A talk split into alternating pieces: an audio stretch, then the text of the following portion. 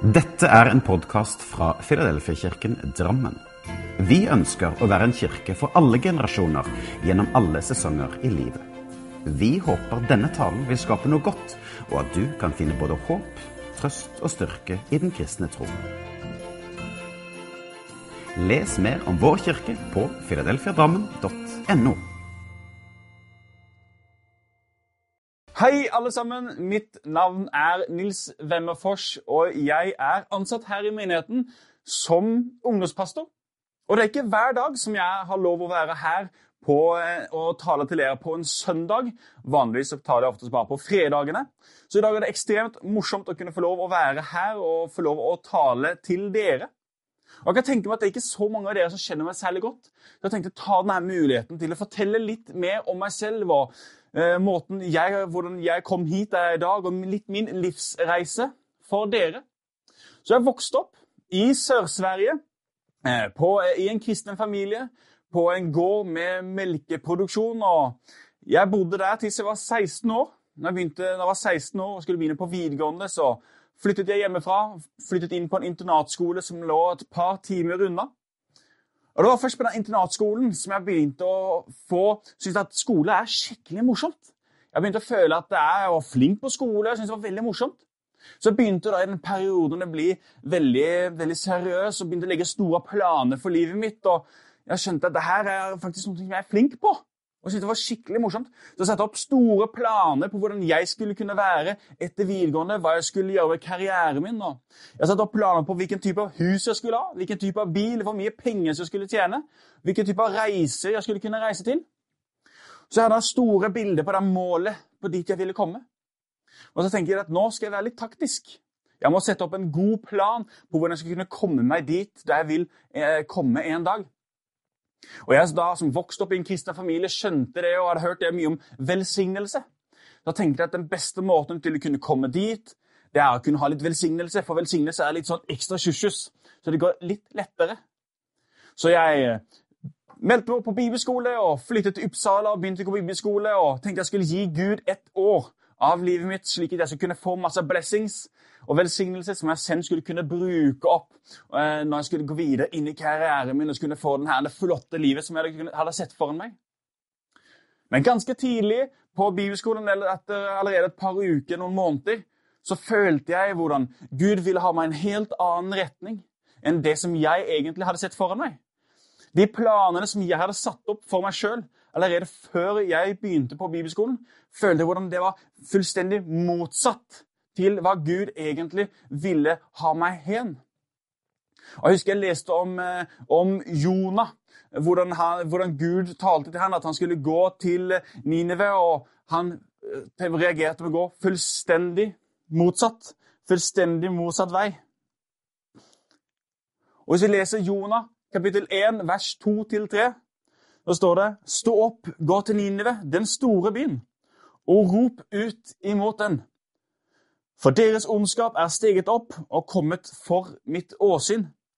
Men Jonas stod opp for å flykte til Tarsis, bort fra Herrens åsyn. Han drog ned til Jobbe og fant der et skip som skulle ta han til Tarsis. Så betalte han for reisen, gikk om bord for å fare ned til Tarsis, bort fra Herrens åsyn. Og husker jeg når jeg leste den jeg gikk på bibelskolen, at jeg følte det eller i hvert fall i etterkant, når jeg leser det, så følte jeg at det her var så mye meg. Jeg kjente igjen meg så utrolig mye i denne historien. Ikke det at jeg sluttet å gå i kirke og prøvde å gjemme meg for Guds åsyn. Men jeg prøvde å flykte fra det som jeg følte var Gud har lagt på hjertet mitt, det som skulle være min kallelse. Jeg ba at jeg skulle ja, greit nok, men jeg vil ha en annen. Kan vi ikke gjøre noe mer i min stil? Noe som jeg kan synes var morsomt, og noe som jeg allerede har planlagd, så jeg ikke trenger å bytte mine planer. Så for å si det kort så kom jeg inn i eh, litt av en identitetskrise midt under bibelskolen der. og Hele mitt livsbilde ble fullstendig snudd opp ned. Det som jeg hadde sett for meg, min plan, og ble fullstendig snudd opp ned, og hele min hverdag ble helt annerledes. Jeg husker en dag hvor jeg så meg inn i speilet, og jeg hadde sett samme ansiktet i 20 år, over 20 år, men allikevel kunne jeg ikke kjenne meg igjen. Jeg skjønte at den Nils jeg kjente og en gang var, hadde sett hver eneste dag, han var noe sted der langt inne, men jeg klarte ikke å se det. Jeg klarte ikke å kjenne meg igjen. i den jeg var lenger. Og I Sverige så har vi en, vi har en leik der man skal snurre rundt og rundt, og rundt, og sen skal man stoppe opp, lukke øynene. Og Så gjelder det å finne balansen. Ofte så pleier det å sveie ganske mye. Og så gjelder det å ikke tryne på bakken. Jeg kanskje har den her i Norge òg. Håper ikke sveier så langt foran på akkurat de basic lekene. Men Det høres veldig simpelt ut, men det er egentlig veldig vanskelig. For Dersom du snurrer mye nok og lukker øynene, så kommer du å føle at det som er ned, er ikke lenger ned. Hele verdensbildet i 20 sekunder ble fullstendig snudd opp ned. Ned er ikke lenger ned, opp er ikke lenger opp. Det føles som du har føttene her oppe og hodet her nede. Og det som er morsomt, er hvis du snurrer og snurrer, snurrer, og sen stopper opp, og du føler at nå kommer jeg til å tryne, nå kommer jeg til å falle ned. Hvis du da tar tak i noe fast, hvis du tar tak i en vegg i et bord og holder tak i det, så får du tilbake balansen så utrolig mye fortere. Hvis du tar tak i bordet og stoler på det her bordet og setter din tillit til det her bordet, så kommer du få tilbake balansen igjen så utrolig mye fortere. Og På samme måte så er det med Gud.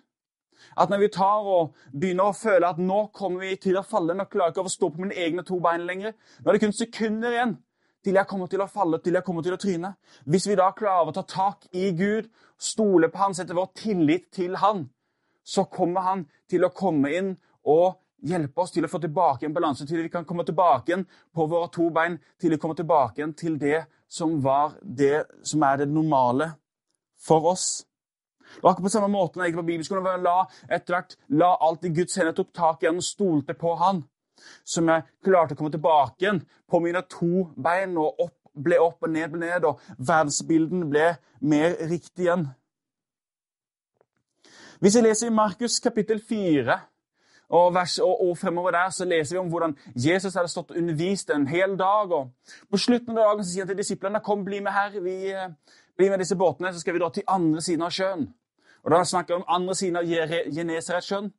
Og På andre siden der så ligger det Dekapolis. Dekapolis var sett som et urent sted dit jødiske menn og jødiske folk ikke fikk lov til å reise. Eh, så hvis vi da hopper inn i vers 37 eh, og fremover, så står det det blåste opp til kraftig uvær, og bølgene slo inn i båten, så den var i ferd med å fylles. Han var bak i båten og sov med hodet på en pute. Det vekket ham og sa til ham, 'Mester, bryr du deg ikke om at vi går under?' Da sto han opp, truet vinden og sa til sjøen, 'Hold fred, vær stille.' Og vinden la seg, og det ble en mektig stillhet. Og Her leser vi da om hvordan de er på vei opp til Dukapelis. Jesus legger seg for å sove, og så blåser det til stort uvær. Og Mange av disiplene eller et par stykker av disiplene i hvert fall, var fiskere og har levd hele livet sitt på eh, båten i sjøen og tenkte at det her er greit, vi har vært med uvær tidligere, dette fikser vi. Så de vekker ikke Jesus med en gang, uten de prøver å fikse det. Og... men etter hvert så skjønner de at vi kommer ikke til å klare det her. Vi går under, båten begynner å ta inn mer og mer vann. Det er kun sekunder igjen til vi kommer til å gå under. Vi klarer ikke lenger å stå på våre to bein, det som var normalt for dem, at de skulle kunne fikse ut denne stormen. Hele verdensbildet ble snudd opp ned der et par sekunder. Da skjønte at vi fikser ikke det her. Vi har gjort det så mange ganger tidligere, men vi fikser ikke det her. Så tar de og tar tak i Jesus fysisk, stoler på han, setter sin tillit til han, og han da kriver opp og stiller hele stormen. Og disiplene får komme tilbake til det som er normalen for dem. Der oppe, opp og ned og ned, og verdensbildene blir flippet riktig igjen. Og vi leser Hvis vi fortsetter i teksten, så leser vi om hvordan de fortsatte, og hvis de vet at etter en storm og så står det at det blir helt stille, da betyr det at det er ikke en vind lenger, så da har de ikke at de kan seile ut under båten og begynne å ro.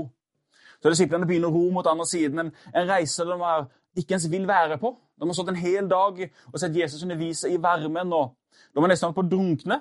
Og nå må de begynne å ro, og de er på en reise de ikke vil være på. Og etter hvert så, så begynner de å høre, når det er helt stille over vannet, så begynner de å høre en mann som roper. og og Nå snur han seg at det er en, en, en, mann som er besatt av demoner, som er der på den strandkanten i Dekapolis. Og, og nå ser etter hvert at det er masse huler. Og blant huler så fins det graver. De som jødiske menn har ikke lov å være blant graver. Og han demonsbesatte mann han kan fullt mulig kunne stå der i Adams drakt, for å si det på en pen måte, da han var demonbesatt, og det stod at han prøvde å sette fast han i lenke, men ingen lenke klarte lenger av han, og holde han. Og den som jødiske menn har ikke lov å se eh, en annen mann uten klær heller. Så det blir bare bunker opp og bunker opp og flere og flere ting for disse disiplene da, som er godt eh, kjente med Skriften på hva som er lov og ikke er lov. Så jeg liker å tenke for meg at de satt der og gruet seg skikkelig, at han ville virkelig ikke komme frem. De der urene landet blant denne urene mann, på dette urene stedet blant disse gravene. Og På samme måte så kan jeg gjenkjenne meg så utrolig mye i denne teksten. Hvordan Gud først viste meg et par uker inn på bibelskolen at han ønsket at jeg skulle kunne jobbe i menighet og kunne være ansatt i menighet. Og jeg gruet meg og tenkte absolutt ikke det er det siste jeg vil gjøre. Hvordan jeg følte at Gud gruer meg så utrolig lenge til når jeg vel skulle være der og bare måtte gi opp fullstendig.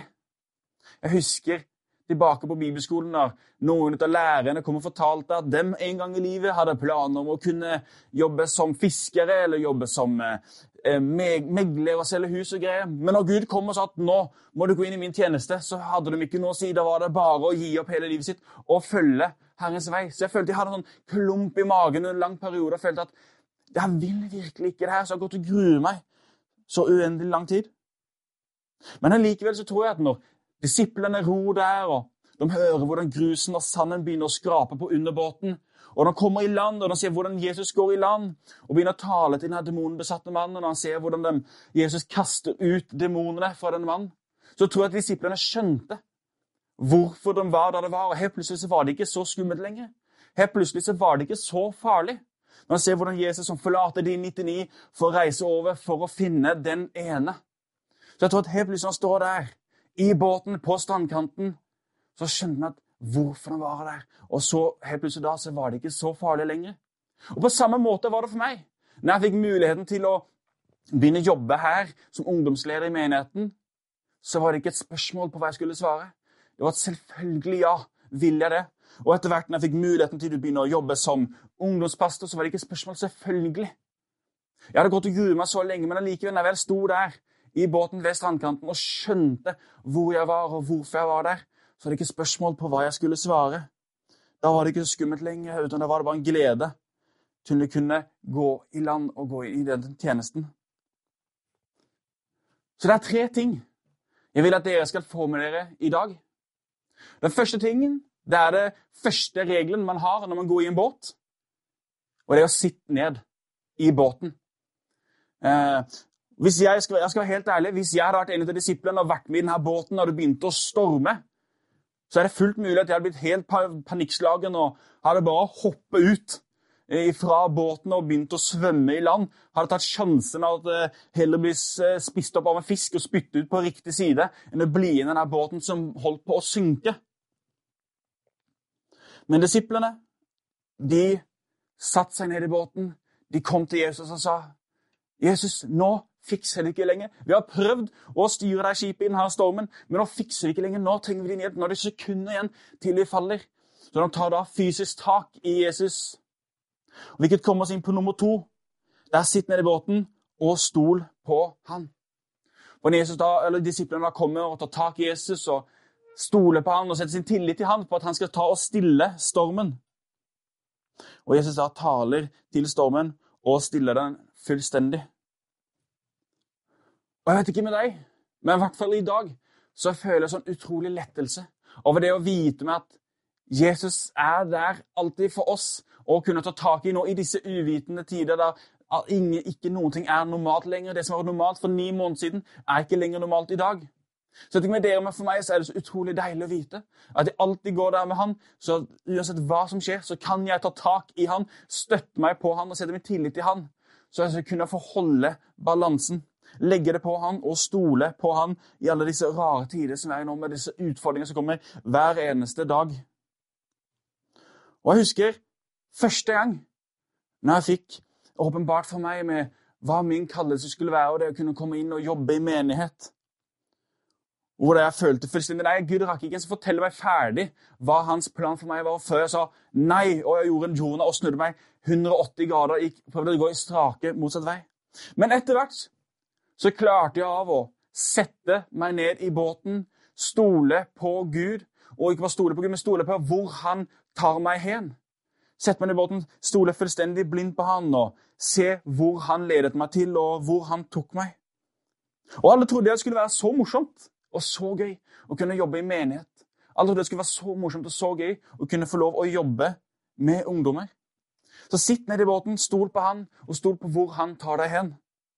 Og det tredje og siste det er ta et skritt ut av båten.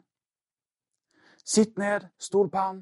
Og når det vel sen hører hvordan båten begynner å skrape mot grusen og steinen, og du kommer frem til en kant, til en standkant, ta et skritt ut av båten. Og se hvor Herren har ført deg. Eh, ikke hva du kan gjøre hvis du hopper ned i båten og kjører til neste øy der nede med de kule strendene og de kule palmene. Eh, ikke hvis du fortsetter litt lenger ned på øya, uten hva er det du kan gjøre akkurat der du er. Og Hvis vi leser i apostelgjerningene kapittel 27 og 28, så leser vi hvordan Paulus, som er et skip på vei til, på vei til Roma Men så havner han i en storm. Vi fortsetter på det med båter og stormtema i dag. Så havner han i en storm, og det blir skipsbrudd, og han kommer til slutt i land på Malta. Men istedenfor at Paulus tar og skjønner at greit, jeg er i Malta, jeg skal til Roma, jeg kommer og kommer til Roma Istedenfor at han setter seg ned og bare tenker at ja, men da får jeg vel bare vente til jeg får ny mulighet til å få et nytt skip til å komme til Roma. Isteden tar han og ser seg rundt og ser hvor han har kommet hen, og hva han kan gjøre akkurat der og da. Så vi leser med en gang at når han kommer i land, så møter han folk og begynner å be for dem og helbreder de folka på Malta. Og så leser vi etter tre måneder så får han et nytt skip, og han kan senere reise av gårde til Roma. Så ta et skritt ut av båten. Og hva er det du kan gjøre akkurat der du er nå? Du kanskje ikke er akkurat der du trodde at du skulle være, og du kanskje ikke er det heller der du skal ende opp. Kanskje det er akkurat som Paulus som føler at ja, jeg vet at jeg skal komme dit, men jeg er det ikke akkurat nå. Så i stedet bare for å sette deg ned og vente på at du kunne komme dit og kunne gjøre din tjeneste der, se hva det er du kan gjøre akkurat der du er akkurat her og nå. Kanskje du føler at ja, jeg er kallet til å bli, en, bli lovsangsleder, og, men du er ikke der helt ennå. Jeg ikke, har ikke helt kommet i den, i den modenheten i min tro ennå jeg skal stå på scenen og lede andre. Men istedenfor å sette seg ned og bare vente til den dagen vel kommer. Hva er det ellers du kan gjøre da i mellomtida? Er det å melde deg opp på vertskap og stå og registrere folk når de kommer inn gjennom dørene på søndagen og stå og spraye antibac i forkant og etterkant av møtet? Kanskje det er mennesker som du skal ta opp kontakten med igjen, som du har mista kontakten med for lenge siden. Eller kanskje du veit at du skal bytte jobb etter hvert. Jeg skal kun være igjen her en måned til før jeg skal gå videre i en ny sesong i livet mitt. Bytte jobb, bytte by. Men kanskje det er noen ting du trenger å etterlate deg på den gamle jobben før du forlater. Kanskje det er et menneske som sliter på den jobben, som du kan, ikke trenger å ha deg i mange mange måneder og år fremover, men kanskje trenger å ha deg der som kristen i akkurat nå, denne korte perioden. Så hva er det du kan gjøre akkurat rundt deg der du er her og nå? Så, for å oppsummere det Sitt ned i båten. Stol på Herren til Gud og hvor Han tar deg hen. Og gå ut av båten og se hva er det du kan gjøre akkurat her og akkurat nå.